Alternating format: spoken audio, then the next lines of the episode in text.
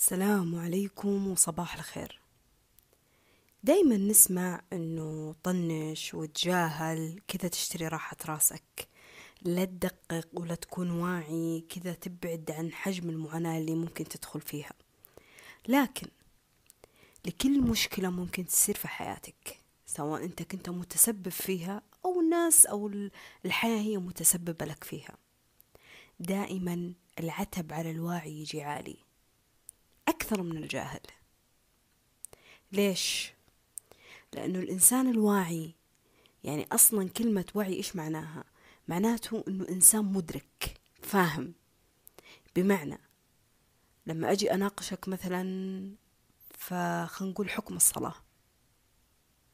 فأنت تيجي تقول لي حكم الصلاة كذا كذا كذا. فأنت واعي واعي. بس وحيك ذا ما خلاك أنت تصلي.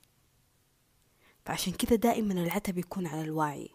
ليه؟ لأنه هو فاهم فاهم حجم الكارثة اللي دخلت حياته وكيف ممكن إنه يخرج منها بأقل الخسائر وكيف ممكن إنه يتصدى للأشياء اللي تسببت لهذا الشيء يصير في يومه سواء هو كان السبب فيها أو ما كان في السبب فيها. فدائما العتب على الوعي يجي عالي. عكس الجاهل.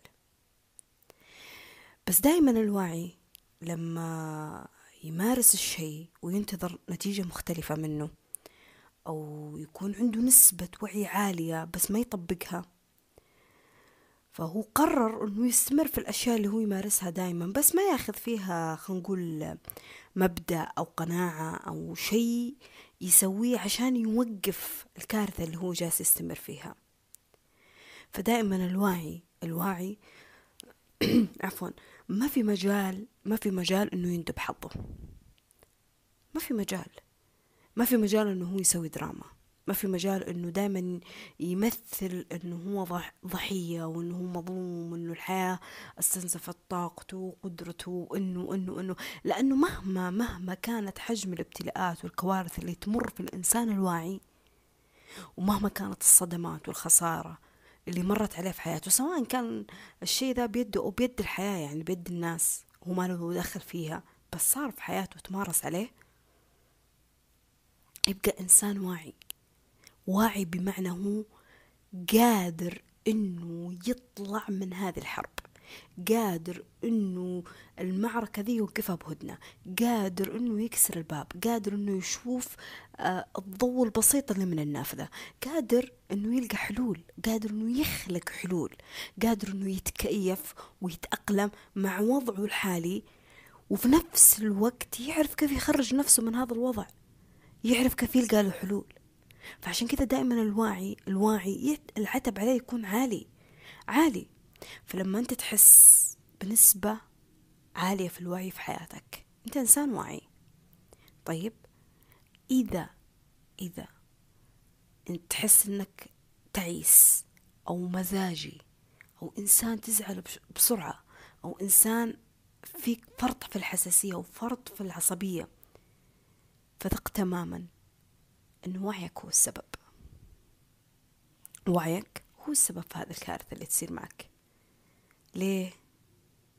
لأنك جالس تناقض فكرك ومبادئك وقناعاتك في الحياة.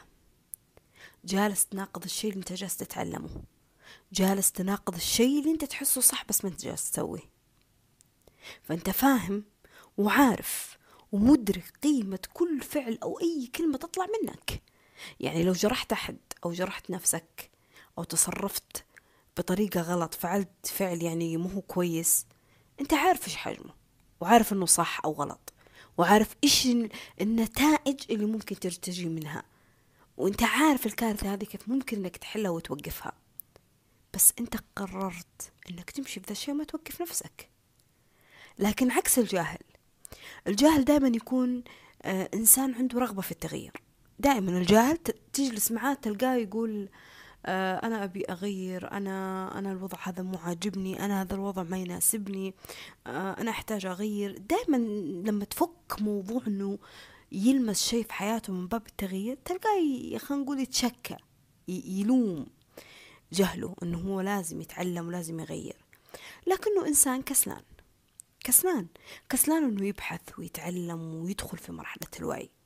فهو يشتري راحة راسه إنه ما يدخل في مرحلة الوعي. ليش؟ أنا أقول لك مثال. مثلا شخص يكرر الصلاة بطريقة خاطئة. طيب يعني هو يصلي بس في أشياء معينة يسويها بالصلاة غلط. هو جاهل هو مو عارف إنه هذا الشيء اللي جالس يسويه غلط. جاه شخص واعي وقال له يا فلان أنت جالس تصلي الصلاة بطريقة غلط. ترى الطريقة الصحيحة كذا كذا كذا. الجاهل الحين ما زال جاهل. لكن أخذ معلومة هي تصحح له طريقة الصلاة. لكن هو ماشي على مبدأ إيش؟ إن الله غفور رحيم أو كان معك إن الله غفور رحيم. معك. لكن الطريقة الصحيحة للصلاة إنك تبحث عنها وتطبقها وتاخذ في النصيحة وإنك تتعود على الشيء الصح يو مشوار طويل عشان أسويه. فأنت ما أنت حاب إنك تغير شيء في روتينك أو شيء أنت تعودت إنك تمارسه في الصلاة. وقيس على هذا الشيء مو بس في الصلاة ترى في أشياء مرة كثيرة.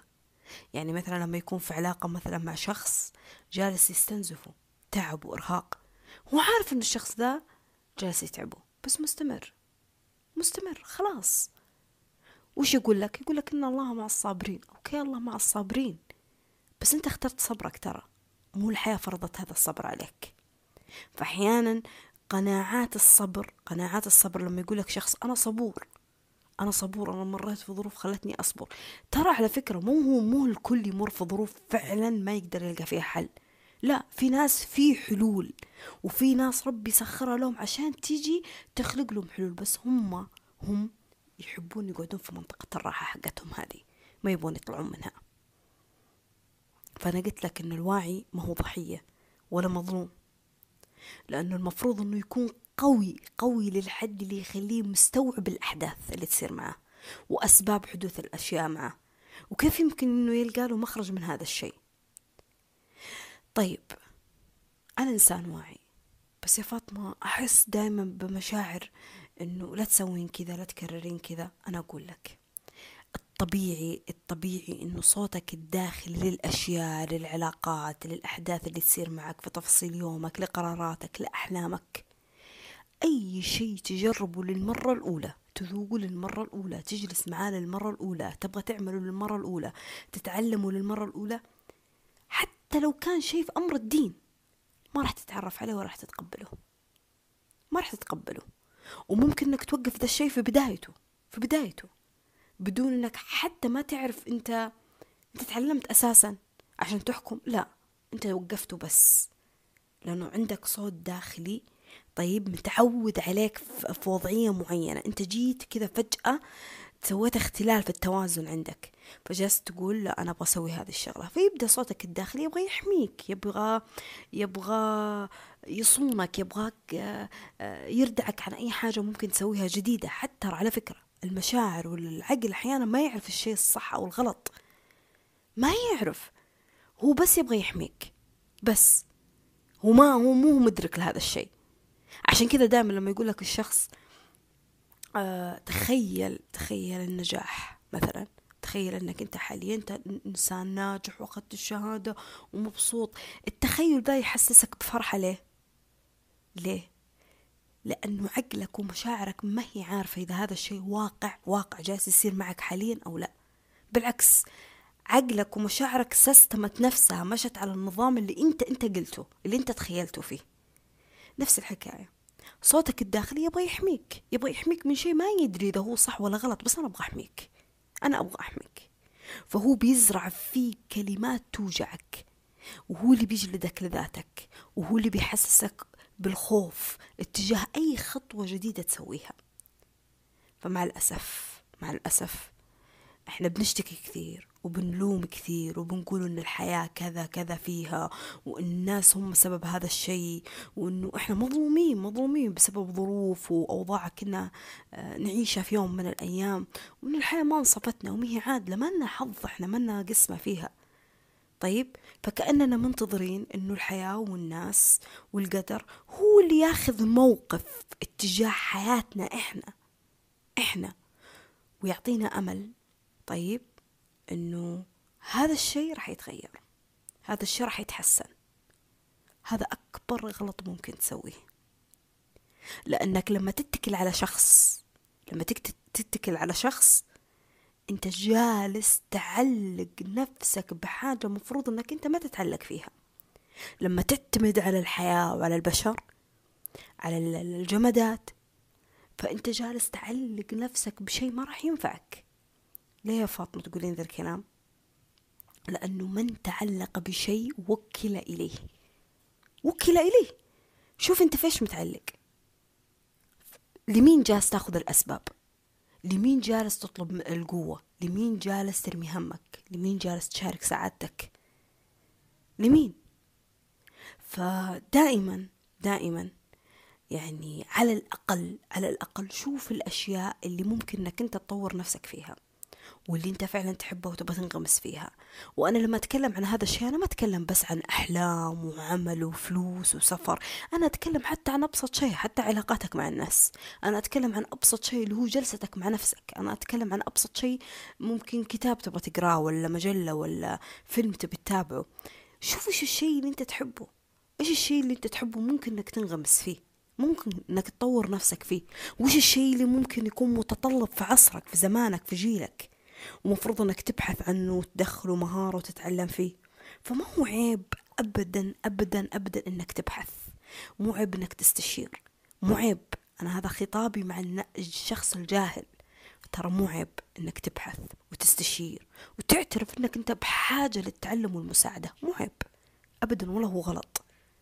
فدائما خلي نيتك صافية لله. خلي نيتك صافية لله. إنه يا رب أنا أبي أكون خليفة لأرضك. أبي أتعلم أبي أمارس أبي أسافر أبي أسوي أبي أتعرف. طيب في نفس الوقت خلي ربي قدام عيونك.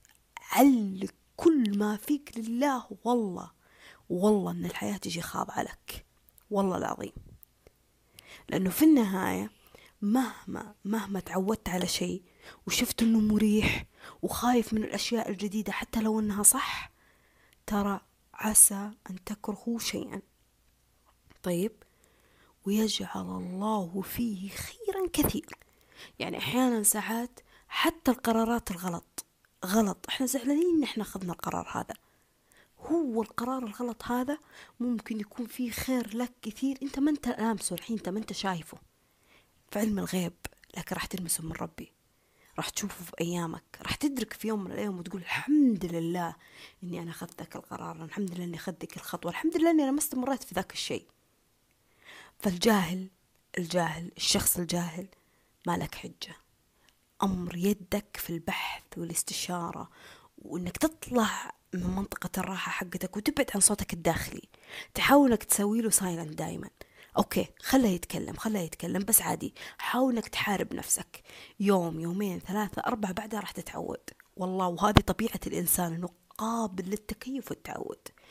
أما الشخص الواعي اللي جالس يسمعني فعتبي عليك كبير. لأنك جالس تقرأ تقرأ تقرأ تقرأ بدون ما تطبق. جالس تسمع تسمع تسمع تسمع بدون ما تنصت. فجالس تمارس أشياء بدون ما تحس بقيمتها. وجالس تضيع نعم من يدك بدون ما تحس بقيمتها. فأنت واعي وعارف بس أنت ما عندك رغبة أنك أنت تسوي هذا الشيء. فالعتب عليك عالي.